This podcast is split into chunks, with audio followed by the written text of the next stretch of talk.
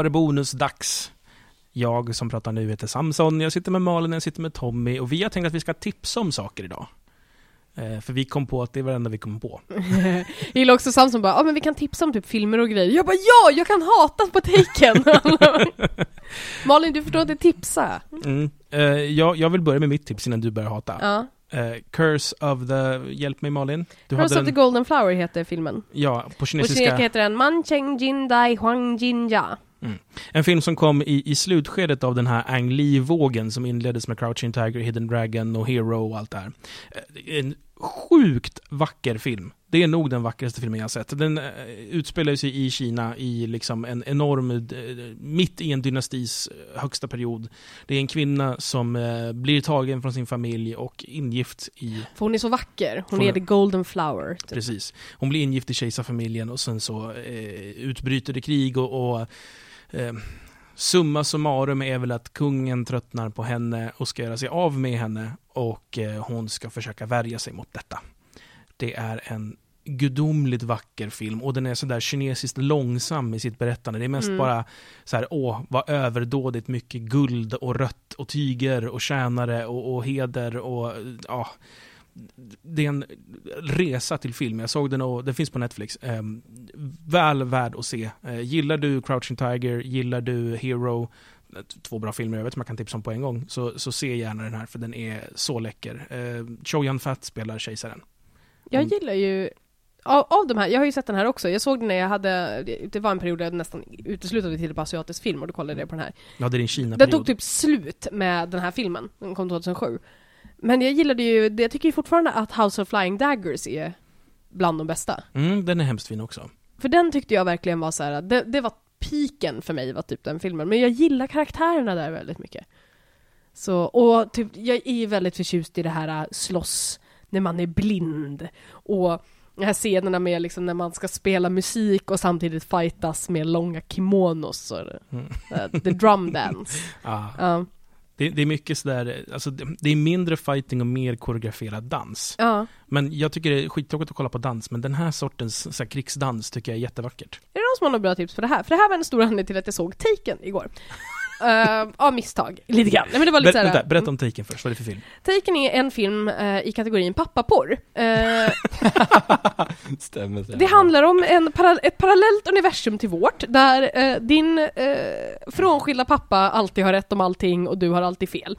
Ehm, Spelas av Liam Neeson. Liam Nielsen ja. Och hans dotter är en tjej som är drömmen av en tonårstjej för en pappa som inte riktigt har koll på sin tonårstjej, det vill säga hon är fortfarande oskuld. Till skillnad mot sin kompis, sin tjejkompis, eh, så är hon inte en skanky hoe som kommer att dö i filmen för hon har inte mascara på sig. Aha. Tjejen, eh, hans dotter har inte mascara, hon har fortfarande en extremt så här, barnslig attityd, men är typ på väg att bli en vuxen kvinna, men hon är fortfarande så här extremt barnslig och oskuldig, men, och väldigt ansvarsfull, för hon är ju uppfostrad till att vara ansvarsfulla pappa, men sen har hon dumma kompisar som drar med henne Nej. på livsfarliga grejer. Premissen i Europa. filmen är att han är då en frånskild, någon form av superduper agent, har jobbat för CIA. Eh, Nu är han säkerhetsvakten och sånt där. nu är han säkerhetsvakt, han är eh, pensionerad för att han har pensionerat sig i förtid för att kunna vara närmare sin dotter som har flyttat ihop då. Hans före detta fru har gift sig med en svinrik man. Nej. Jo. Och de två är douchiga, eh, typ såhär mot honom och han ska, det första scenen är att han ska komma till hennes eh, födelsedagsfest och de har ju naturligtvis en jättestort garden party med inhyrda eh, fotografer och styvpappan ger henne en häst och han ger henne en karaokemaskin och det var liksom det han fick skramla ihop det för sin lön så skramlade han ihop den här karaokemaskinen. Och sen här sitter ju premissen att han sitter och sätter upp en massa ground rules och säger att det här får du inte göra, det här är farligt och så här måste du tänka på världen. Medan alla andra säger emot honom och bara men sluta vara så himla nojig, hon måste ha få frihet, hon måste få växa upp. Och i slutändan så visar det sig att han har ju naturligtvis rätt om allt. Pappa vet bäst. Pappa vet bäst. Och så det hemska som händer här är ju då att eh, den här flickan, den unga 17-åriga, blott 17-åriga lilla kvinnan, hon får för sig att åka på en resa till Paris tillsammans med sina kompisar. Där de ska gå på Louvren och dylika saker. Det ska de ju inte. De ska naturligtvis följa U2, det här extremt eh, provocerande rockbandet U2, på tur i Europa. Och det är det de ska göra egentligen, och han var såhär nej men du får inte åka, det är alldeles för farligt. Men de åker i alla fall. Det första som händer naturligtvis, det absolut första när de anländer till Paris flygplats är att de blir scoutade av traffickinghandlare som våldsamt kidnappar dem för att göra dem beroende av droger och sälja dem som släktslavar. Varför? Det här är, och det här är Premissen i filmen är att det finns en albansk liga Nej som jobbar i mitt, eh, centrala Paris med att från Paris största flygplats kidnappa kvinnor från västerländska länder, göra dem drogberoende och sälja dem som sexslavar på bordeller ute, exempelvis som är bara baracker uppställda på gruvarbetsplats. Det här gör de för att det är mer ekonomiskt att kidnappa västerländska unga kvinnor än det är att övertala folk från Östeuropa att komma till Paris som apärer eller städerskor, sno deras pass och sen göra dem drogberoende och sälja dem som prostituerade.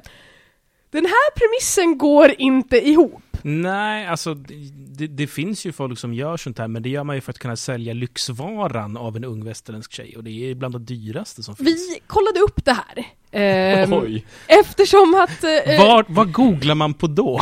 man googlar på diverse saker, men nu bor ju jag ihop med en person som jobbar med felsökning, så det här enligt honom var ett fel. Tvungen att försöka reda ut vad fan grejen är. Så vi kollade upp hur vanligt det faktiskt är med eh, diverse nätverk och ringar som säljer så kallad vit slavhandel. Mm. Majoriteten av allting du kan läsa om vit slavhandel kan du läsa om på Avpixlat, då får vi lära oss att det är muslimer som kidnappar unga svenska kvinnor och eh, säljer dem som slavar till rika shejkar. Såklart. Det är vad som händer i Taken! är... Jag vet att det händer i, i, eh, i Japan faktiskt, att triaderna tar eh, australiensiska tjejer som, Mm. är på, som åker till, till Japan på semester. Ja. Men det, det är ju för att det går inte att komma åt triaderna. Du kan inte komma... Är du fucking Yakuza i Japan? Eller Så- triaderna? Ja. Det är fin- Okej, jag kan acceptera att en, en australiensisk regering inte har mycket att sätta emot det här. Men att en random albansk liga skulle tjäna pengar på att ha kvinnor som de säljer för extremt lite euro, eh, liksom som de kidnappar, och att ingen annan skulle reagera på det här. De tyckte dessutom kidnappa en till två tjejer om dagen. Marknaden kan inte vara så här stor. Ehm, Jag har ingen aning om hur det ser ut på den här marknaden. Nej, och plus när man gör det på ett problem som är seriöst ett allvarligt och hemskt problem men som väldigt sällan drabbar västerländska kvinnor, men som vi nu gör handlar om västerländska kvinnor för att det blir mycket mer synd om dem då. Mhm. Det är lättare för publiken att engagera sig, för vänta nu, vi är ju vita! Ja, precis. Men skulle inte, Och pratar inte skojsigt. skulle inte Liam Neeson bara kunna spela en, en albansk pappa istället? Nej, eh, det går inte. Alla albaner är onda i hela eh, filmen. Okej, förlåt, All- men kan han vara en ukrainsk pappa? Det är fortfarande det här, i hela filmen så går det liksom ut på att han är en, han är en douche. Han skjuter sin kompis fru för att få lite information. Nej men det är ju faktiskt coolt Och han skjuter henne bara i benet, Nej, hon skjuter, den, han skjuter henne i axeln. i axeln, hon kommer inte dö Det är bara Nej, hon kommer inte dö. Det är bara, han säger faktiskt det är bara ett köttsår. Och hennes, och hennes barn är där hemma med Ja, minns väl han har levt med hans, hennes ungar innan. Och sen så är det så här, han liksom sparkar in dörren på en bordellring som inte ser ut som att det kan tjäna specifikt mycket pengar för den är verkligen så här i containrar på en byggarbetsplats. Och direkt efter så kommer hans ko- CIA-kontakter och bara du, nu har jag dragit i lite trådar för de vill att du ska arresteras nu för det du har gjort. Men istället ska jag bara deportera dig tillbaka till USA och nej, vi kan inte hjälpa dig leta efter din dotter. Men, så här, men vänta ett ögonblick här. Hur kan den parisianska regeringen vilja få honom utkickad ur landet för att han uncoverade en stor prostitutionsring som jobbar rätt under deras näsa i Paris? Men sen är det naturligtvis för alla fransmän är Det är ju onda. skam för dem. Och det är också det här, varför är inte hans första reaktion på det här? I vilken annan film som helst där det inte hade varit pappa vet bäst, hade det varit så här.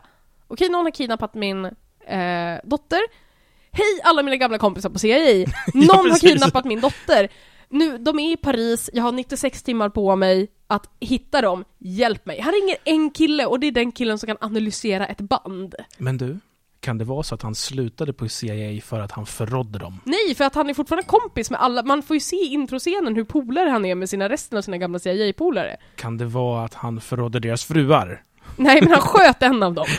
Så det är så jävla dum den här filmen. Jag kan rekommendera den som att den är ganska kul. Alltså den är ju action, för, den är, man kan sitta och ha väldigt roligt åt det här. Det är som Tre Musketörerna-filmen. Den är oerhört dum. Man kan ha väldigt roligt åt hur dum den är. typ, nej, den Men sen är ju Taken faktiskt en badass bra popcorn action-rulle också Nej det är den inte. Men det är ju det Nej det finns ju inga Den snygga... är ju För det här är vad jag antog att den skulle det vara. Det är, inte, det, är inte, det är inte snygga actionscener, utan det är det här uh, Born Identity Gritty. fighting scen- ja det är väldigt Nej. gritty och det, det är så här uh, fuskrealistiskt Det är inte, det är inte så här. uh, Det är hyperrealistiskt. mm, Nej. ja, För jag, jag eh, så anledningen till att jag såg. Taken är ju för att jag har kommit in i en period just nu då jag är väldigt förtjust i snygg action. Och jag tänkte Då att ska du inte se Ja, Kick-Ass. då ska du Nej. inte se Taken, det är Nej. inte snygg action det var verkligen det är inte, för det var det jag trodde att det var bra. Jag tänkte att det här är åtminstone en bra actionfilm, men det är det inte. Det är din Jo det sedvanliga... är det, det är bra actionfilm, Nej. men det är inte snygg action Det är inte Det bra är- action det är- heller. Det är klumpig, fuskrealistisk, gritty action Det är inte fuskrealistiskt och det är inte gritty någonstans. Det är klipp som är lite långsammare än The Born Identity. The Born Identity har ju åtminstone den här känslan av att du konstant håller på att bli kastad mot någonting. Och den här har en känslan av att Liam Neeson, är dum i huvudet. han är sjukt jävla badass Men det känns, de får det ändå att kännas som att han hela tiden är på gränsen av att besegras Nej, för Och jag, jag... gillar den känslan Nej, jag har verkligen inte den känslan alls. Han har bara problem att spöa en enda kille och det är Va? mellanbossen Han på går, ju, slutet. han går ju kring hela filmen och är skittrött Han, är, han ser ut så! Ja. Han är ju inte trött. Jo, han, alltså han är ju skit, Han, han, han spöar ju typ konst... Han, to- han gör... Det här är vad som faktiskt händer. Jag bara, han kör Assassin's Creed-lösningen. Det är vad han gör. Tomahawk i ansiktet på alla personer han träffar. Typ när han skulle jaga en bil har jag för mig att det Ja, var han springer ikapp en bil till fots! Han är så awesome! Men, uh, Liam Neeson har Hollywoods största penis. Okej, hur vet du det? Det har hans ex-flickvän berättat. Ah. Hur många av Hollywood har hon legat med? Väldigt många. Hon är, Ja. Hon är Janice Dickinson. Ah, okej. Ah. Eh, hon har beskrivit det som en Evian bottle, the big kind. En och en halv liters flaskan, Ja. bara så ni vet. Så stor Det skulle, men det skulle ju kunna förklara varför han alltid ser trött ut, Det är jobbigt. Varför går hängigt? va, varför han kan spöa alla hur lätt som Varför har du så dålig hållning igen? Mm. Hur kan du springa ikapp en bil? 3B. Ja. Nej, men det här var egentligen då för att jag såg Total Recall-remaken. Eh, Usch. Den var jättebra. Usch. Okej, men, ta men Taken är dålig. Mm. Okej. Taken 2. Jag har inte sett Taken 2. Dottern blir Finns kidnappad. Inte. Och hans fru. Och nej, men de är inte gifta längre. Av samma folk. Ja, varför? Oh. White Chains Over. Jag förstår inte riktigt varför folk hatar Total Recall så mycket. För att Men originalfilmen är se- Du har skitbra. inte sett originalet? Nej, jag, jag har sett originalet, men jag har inget som helst nostalgiskt värde av originalet. Mm, Inte jag heller Det har jag. Jag älskar Paul Verhoeven och det är en av hans bästa. Jag vet inte vem han är. Paul Verhoeven har gjort eh, Robocop, Vem är han i, jaha, han är. Starship Troopers, Nej, allt möjligt bra. jag kollade på Total Recall-remaken. Jag är extremt förtjust i hur de presenterar den här futuristiska, rätt orealistiska världen. För att jag kan tänka mig så här, varför skulle England vara superekonomi? Det skulle vara Tyskland i- i rådande klimat, men never mind. Kina Jag tänkte att det skulle vara, men fast de är ju dött säger vi då. Det är bara, det antog sen var att det kanske bara är önationer som har överlevt och ingen bryr sig om Nya Zeeland. Typ. För att de har ju bara hobbitar där. De har ju liksom, Nya Zeeland har ju förmodligen stängt in sig själva och lever i en paradisö nu, för resten av världen är död, men de klarar ju sig själva, de är fully self-sufficient. Och Flight of the Concords Mm, Just exakt. ja. De behöver ingenting utifrån. Ehm, men utöver det så tyckte jag jättemycket om hur de hade byggt upp världen, och sen såg jag den här filmen och såg hur mycket man har lagt ner tid på att koreografera fighting-scener. Det är så sällan man ser koreograferade fighting-scener nu för tiden, för allting ska Born Identity-klippas. Ja, om du kollar på väst ja. Det är i... Ja men det är det jag menar, nu pratar jag om västerländska Ja. filmer, nu ska inte du hålla på, ja men om vi kollar på vitryska filmer. Nej, men, men i Korea har man fortsatt köra väldigt väl koreograferat. Och Ja precis, men det var ju därför jag tänkte jag skulle fråga om tips, och Jaha. inte bara bli dissad på. Det finns ju en... Men det eh, enda du gör är att sitta och dissa filmer ju.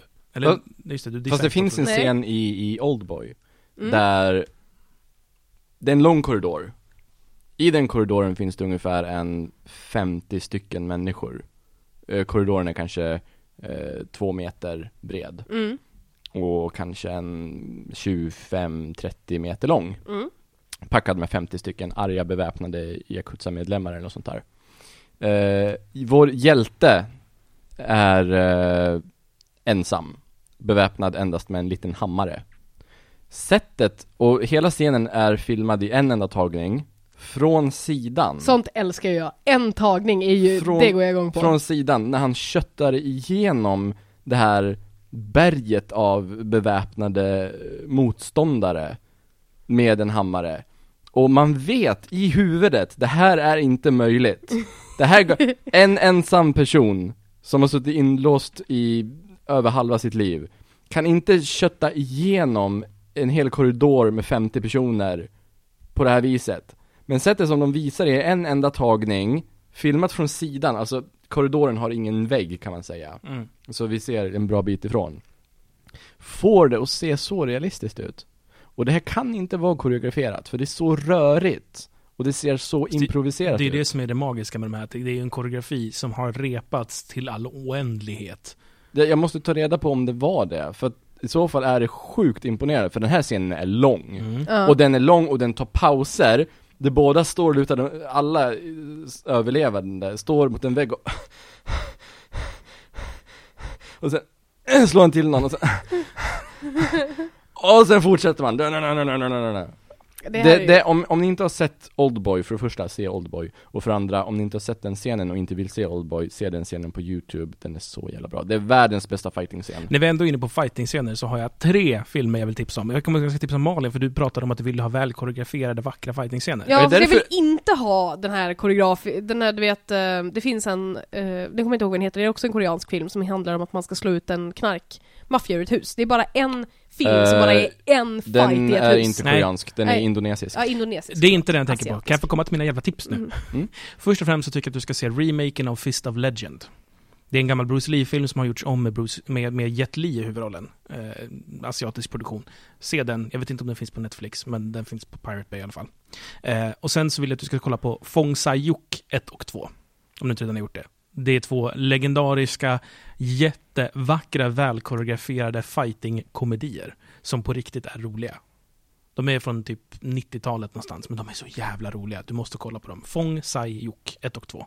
Den indonesiska filmen som du sa, The Raid Mm, The Raid. Ja. För den är ju skitsnyggt gjord. In, Innan ni tittar på The Raid, kolla på eh, Dread För det är samma koncept men gjort lite sämre eh, Alltså nya Judge jag har Dredd-filmen hört att senaste Judge Dredd ska vara riktigt bra. Nej, Jaha. men det är samma koncept men gjort lite sämre har jag hört Okej. Så alla som har sett båda säger ah fan För The Raid, om, om jag inte hade sett, om jag inte hade sett eh, The Raid först så hade Dread varit skitbra då ska jag nog se Dread. Ungefär Dread som först. Battle Royale och, eh, vad heter den, Hunger Games då? Ja, precis, bra jämförelse Men jag såg ju The Raid och jag tyckte att den var jättebra, för det här är verkligen en sån här grej det, det är egentligen bara en enda lång fighting-scen i hela filmen. Men den är så pass välgjord att den sker ju på ett, i ett våningshus.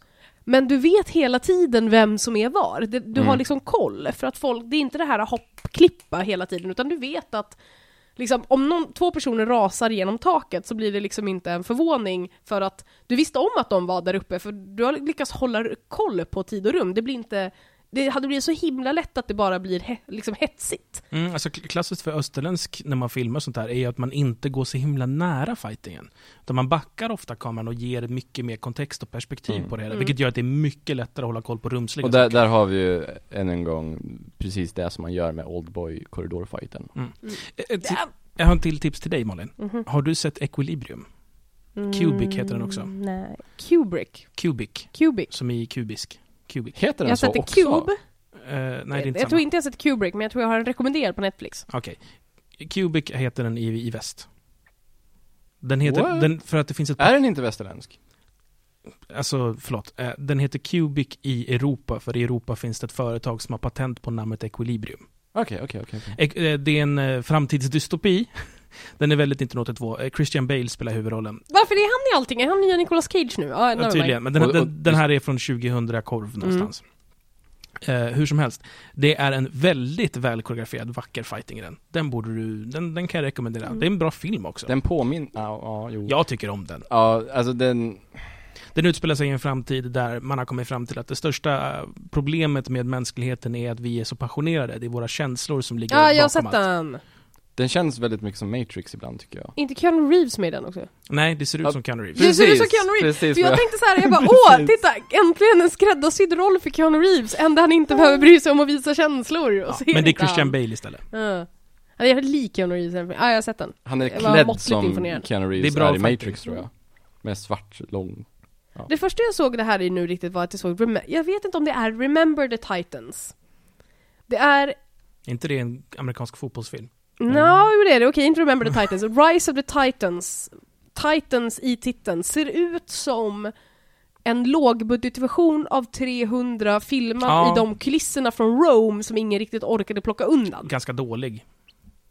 Nej! För att det För här... jag såg... Är det den två. där kraken är med? Kraken? Nej. Jo, i Eh, tvåan. I tvåan är Kraken. Det de börjar Okej. med, jag har inte visst inte som att de har fått göra en tvåa. Det filmen börjar med, om det nu är den här filmen, för jag kommer inte ihåg, den heter någonting med The Titans Jo, jag, jag, vet, jag vet nog vilken film det Clash pratar of the Titans? Clash Så of the det. Titans, just det. Den är ju jättedålig. Nej, för vet du Den vad den gör? Vad gör den? Den, för det första så har den, för första, det här var första gången jag såg på riktigt länge, koreograf, ordentligt koreograferade exciting-scener som inte går i slow motion. De har Ah, gamla 300-skadan den här, den här när de ska slåss i byn, då har de liksom en widespread shot på byn och sen bara liksom koreograferar de och det gör att det ser mycket mindre coolt ut än vad det gjorde i 300. Men det gör de att de faktiskt koreograferar hela fighting-scenen. Samma sak det här när de ska försvara hela armén i den här lilla korridoren. Och det är extremt mycket 300-vibbar för att det är en korridor mot liksom en armé av never-ending people. Och de är också samma sak där, att det är en koreograferad korridorscen istället för att man liksom räddar sig själv med eh, diverse liksom svärd och slow motion och coola effekter, utan det är liksom bara slagsmål rätt igenom. Jag tyckte filmen inte var något kul. Men en annan sak, den här filmen i sig tyckte jag var helt okej, men det finns vissa saker som redeemar den och det är verkligen fighting-scenerna. Och vi har en hel film, och det här, när det slog mig hur ovanligt det här är, så blev jag fruktansvärt störd på hela resten av alla filmer ever. Vi har en film som alltså handlar om att man ska rädda ett orakel. Och hon måste vara pur. Hon är oskuld. Så, och hon har fyra andra tjejer som låtsas vara hon för att man aldrig ska veta vilken av dem det är. Så de måste liksom ha de här fem. Det finns också andra tjejer med i filmen. Det finns en kvinnlig titan bland annat. Nej, en Athena är det ju. Som i och för sig inte ser ut som Athena, men det är nevermind. Um, ehm, det finns väldigt många tjejer i den här filmen. Som har roller där de blir kidnappade och utsatta för tortyr. Inte en enda gång är det någon som nämner våldtäkt, eller sexuellt våld, eller att någon har blivit våldtagen. Ingen tjej blir utsatt för sexuella övergrepp i en tjej som har fem kvinnliga karaktärer som tas till fånga av en extremt ond man. Det här måste ju vara någon slags rekord. Det här händer aldrig! Aldrig att folk inte blir, ens när de har listat ut vilken av de här fyra tjejerna, för att det, det snackas om att vi ska göra saker mot er, alltså det finns liksom en lite under, ni, ni kommer inte tro liksom hur hemskt vi kan göra mot er. Och alltid så är det alltid rape. I alla filmer är det alltid rape. I det här fallet är det typ att de bränner dem i och för sig. Det är inte jättebra, men det är fortfarande så här.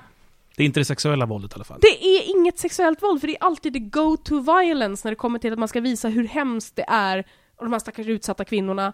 Och deras roller är jävligt coola, hur de håller ihop och liksom...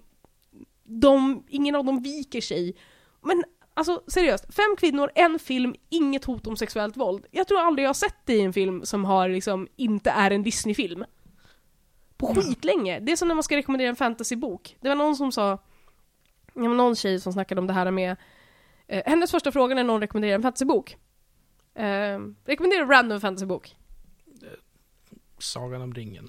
Okej, den var fusk. Det finns inga tjejer Men jag läser typ inte... Ja, precis. Ja, men... Men, ja, Ja, precis. Discworld en ja, det räknas också. Men det hon säger är alltid, ehm, eh, folk rekommenderar henne exempelvis att läsa diverse eh, eh, fantasyböcker och så hennes för, första fråga är, finns det våldtäkt i den? För gör det det så läser hon den inte. Och jättemycket serier har våldtäkt i sig. Mm. Specifikt serier som handlar om kvinnor, typ Paxenarion som är en jävligt bra serie överlag. Liksom om eh, en tjej som eh, kommer upp sig inom armén och blir ledare. Våldtäkt. Imperiets dotter. Våldtäkt. Har Game of Thrones våldtäkt? Oh ja! Game of Thrones består till 95% av våldtäkt. Jag kommer inte ihåg det från tv-serien. Det, har du sett säsong två? Jag har sett alla som har visats. Ja, det är jättemycket våldtäkt. Har, kommer du inte ihåg våldtäkt i säsong två? Hint, det innehåller armborst. Jag har inte sett säsong två, nu blir jag jättenyfiken. Ja. Nej, jag kommer... Nej, det är typ nästan bara våld, det är jättemycket våldtäkt i där. Det är till och med nu har det dykt upp en våldtäktsplotpoint i min älskling uh, Fear of the Wind. Uh, eller A Wise Man's Fear och Name of the Wind som Patrick Rothfuss gör, finns det nu en våldtäktsscen i och jag bara, men varför? Jag gillar Oz, där finns det jättemycket våldtäkt. Svart eld för övrigt. Jättebra fantasy, gritty dark fantasy-serie om en ung man som inte riktigt vet, som växer upp tillsammans med en alkoholistisk person som tror att han är hans pappa. Men sonen vet om att han inte är det. Ah, Och det som Sabretooth. Mhm, typ. Och det enda som håller honom vid liv är teoretiskt sett att eh, den här extremt fulla smeden tror att det är hans unge, för i alla fall hade han haft ihjäl honom för länge sedan. Som blir tvingad ut på en slags, inte episk resa, utan han flyr undan lag och ordning. Svart eld, norsk bok, jättebra. Finns också en subplot om någon templar riddare som ingen bryr sig om. Det är väldigt ofta en smed. Smedlärling är nog effektivt. Jag tror att man kan läsa sig till ganska lätt hur det var att vara smed. Nej men det är jämt när det är någonting i fantasy eller någon som ut, någonting som utspelar sig i den tidsepoken Mm. Så är huvudkaraktär eller nyckelkaraktärer väldigt ofta smedlärlingar Ja, Men det är också lätt för varför de är vana vid vapen och varför de har mycket muskler. Och Ja, smeden är alltid... och det är arbetarklass Ja, fast tittar man på, på um, social status så bland liksom folket, alltså inte adel utan bland folket, så smeden är så nära medelklass man kan komma. Du har ett fast arbete, du har en stadig lön. Du, det spelar ingen roll om det blir dålig skörd eller inte, du svälter aldrig som smed. Kommer alltid vara krig Det, det kommer alltid finnas behov av redskap och vapen, så du har alltid jobb. Jag har faktiskt tänkt på det, att om jag skulle bli rörd av en, av en angel, så att jag åker tillbaks i tiden någonstans, då skulle jag faktiskt satsa på att bli smed. För då skulle jag alltid ha jobb. Och fy fan vad skulle jag bli för något De Jag hade skulle inga, de hade inga förskolor då hmm. Mail nanny. Annars, oh jag kan, eh, apropå att eh, Tommy är en mail nanny, omvända könsroller. Skulle det bli för honom på, men på medeltiden skulle det vara en liten weird grej att han satt in stug och tog hand om barn. Det skulle du kunna göra, det skulle vara jättebra. Du kan Han- behöva skola, de behövde Nej, skola han- på medeltiden. Tommy skulle ju kunna vara såhär, the en village idiot. Ja just det, det Som kan man låter valla barnen liksom. Gedon Osenki. Eller Guardian of the Sacred Spirit. Nu ska Mm. se. Nej, Gedon Osenki var den där andra animefilmen. Guardian of the Sacred Spirit i alla fall. Animeserie på 22 avsnitt. Ehm, jag tror att jag har tipsat om den förut, så nu ska jag inte bli lite långrandig i den, men det handlar om en krigarkvinna som heter Bastra. Apropå att vi snackade om Hope och eh, Lightnings relation. Eh, eller Balsa heter hon. Hon är eh, en krigarkvinna eh, som mer eller mindre ofrivilligt får hand om en ung prins i en störtad dynasti och ett antal människor vill döda honom och hon ska ha tag i honom från punkt A till punkt B. Och det här är en jättebortskämd liten ungjävel. Det handlar inte om att han ska bli någon form av supersoldat eller någonting sånt, eller ens reda sig själv. Han är bara en bortskämd ungjävel och hon ska försöka uppfostra honom genom vildmarken och ta honom från punkt A till punkt B. Och hon har också med sig i hasorna en liten awesome tant och ehm, en snubbe som är eh, magiker och herbalist. Han är egentligen inte magiker utan han är teoretiskt sett herbalist. Han sitter liksom och plockar, han, det han gör är att han har klänning på sig och plockar blommor. Han är kemist. Ja, han är kemist. Såhär uh, robe, sort of dude. Eh, den serien är jättebra, jättecharmig, har väldigt lite fighting actionscener och eh, väldigt mycket story och development och den är fruktansvärt fin tecknad. Låter intressant. Om Ludde var här, då skulle han nog kunna prata lite om Studio Ghibli Ja, Mm. han har ju börjat ge sig in på en Studio Ghibli-resa. Jag är väldigt förvånad att han inte har sett det innan. Mm, han har nog inte varit intresserad av, av österländskt så mycket. Jag gick igenom Luddes eh, topp 10-lista Eller topp 20 var det till och med eh, På eh, Flickcharts-toppen Flickchart.com. Det som eh, skitsnack går igenom. Ja Som jag och flickvännen satt ganska mycket på ett tag Efter att vi hade lyssnat på er Men sen, nu har vi inte suttit där på ett tag inspiring people. Eh, och jag tror, inte att, jag tror inte att Ghibli kommer klättra upp på hans topp med tanke på vad som finns där. Vad Fast han, gi- han där? gillade ju Mm. jättemycket Tot- Totoro. Ja, Mm, så gjorde han det då? härlig. Alltså som han, det verkar i alla fall. För jag, är det inte hans barn som gillar den? Ja, men det, det Luddes barn gillar, gillar Ludde. Ja, Jag vill komma med ett, så här, ett sista så här, från höften-tips. Mm. Det är en film som inte är så jättebra, men den är ganska charmig. Eh, jag tror att det är Dreamworks har gjort en datoranimerad version av Astro Boy. Ni vet, den första mangan som kom någonsin. Mm. Eh, den är inte bra, men den har väldigt mycket sådär mysig stämning. Eh, när man har sett den så kan man så här, minnas tillbaka till den och sakna lite miljön. Så den, den kan jag rekommendera. Det, tyvärr är Nicolas Cage med, men han är bara med lite grann i början och i slutet. Det är klart han är! Alltså det går fan inte att göra en film utan att Nicolas Cage med i den nu för tiden. Jag såg Kick-Ass förresten på det. Mm. Jag tycker Nicolas Cage gjorde bra ifrån sig ända fram till eh, Han ska börja brinna. Ja, Då, då Nicolas Cage han och så var det förstört. ja den filmen. Han, han kommer inte vara med i tvåan. Ja, vad bra. För Ja. att han, det finns inte så mycket kvar av honom ettan, så att jag hoppas det. när han hade brunnit, för han brinner ju, eh, när han hade brunnit i ettan så såg han lite ut som eh, Marilyn Manson gör när han är tjock. Ah. Tänkte jag på. Marilyn Manson är tjock nu för tiden, jag vet inte om Ja, jag tänker på det. Det är jätteroligt. Googla, Han, han har, hans ansikte sitter ihop med hans hals. ja, googla Marilyn Manson fat. Han ser ut som en gam, en tjock gam. Men alltså, han har ju alltid haft ful liksom, nackparti, han har alltid varit lite så knubbig över magen, men ändå liksom smal och gänglig. Men nu har han så här, blivit tjock och lat. Ja, Han är jättesöt som tjockis. Så där kommer, så där kommer Jack White se ut snart. Tror jag. Alltså, Jag tror det. Han, han börjar bli lite mer plufsig allt eftersom. kanske. Jag tror det är oundvikligt för män att bli lite plufsigare. Alla blir plufsigare. Det, det är kört för mig. Dave Chappelle har ju blivit uh, biffig nu också. Jaha, det, jag har inte en aning om hur Han har ser typ ut. biceps som är stora som hans huvud. Ja, ja, men han, då har han tränat. Ja, han har inte blivit tjock, men han har blivit biffig. Typ män blir biffiga. Antingen plufsiga eller så biffar de upp sig. Liten ful side-note. Om jag rakar av mig allt skägg så är jag på pricken lik Jack Osborne. Ah, han. Det är lite obehagligt att veta om, kan jag säga. Vilken du har massa skägg då? Ja, precis. Jag kommer ihåg att jag berättade det för Frankie när vi blev ihop, att så här, när jag har rakat mig så ser jag precis ut som Jack Osborne. Och hon bara, nej det tror jag inte på. Så såg hon mig rakad och hon bara, oh my god.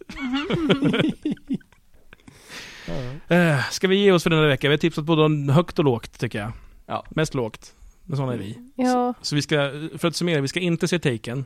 Eller Jo, kanske om vi vill action. Jo man kan se jätte, det är samma sak, sagt, va? Tre musketörerna, den filmen, den äventyrsfilmen. Vill man bara käka popcorn och göra sig löjlig över en film, de tre musketörerna, Ja. så jävla rolig. Snyggt gjord film, dåliga effekter, dålig story och så ologiskt att ingen tänker på varför skjuter ingen på ballongen? Det är ballong, skjut på ballongen! Alltså det här är mitt största Och problem. Liam Neeson är mycket coolare än Chuck Norris. Crash of the Titans kan man kanske se. Om man vill ha lite, lite bättre kvinnoporträtt. Om man inte orkar med att folk alltid ska bli raped. Ja. Eh, man ska kolla på 1 och 2, man ska kolla på Fist of Legend, man ska kolla på Cubic, man ska kolla på Oldboy. Oldboy, man ska kolla, man skulle läsa, vad hette den man skulle läsa? Boken? Bok- Svart, norsk sak. Svart eld. Svart eld ska man läsa. Man kan se eh, Astro Boy, nyversionen, om man känner för det. Guardian of the Sacred Spirit. Guardian of the Sacred om man vill Spirit. ha ett 22 avsnitt långt anime. Som avslutning kan jag säga att man ska gå in, man ska googla H.M. Hammarin um, I'm Eaten Alive, som är, um, ni har sett Cannibal Holocaust hoppas jag. I Cannibal Holocaust så finns det en jättevacker melodisk så här, kärlekslåt som låter som en så här smörig italiensk pop typ. En kille som heter Hans Mattias Hammarin som eh, till vardags håller till i podden Superlife Podcast har eh, textsatt den med I'm Eaten Alive. Den är fantastiskt smörig. Jag tycker vi går ut på den som en liten bonus för våra lyssnare. Um,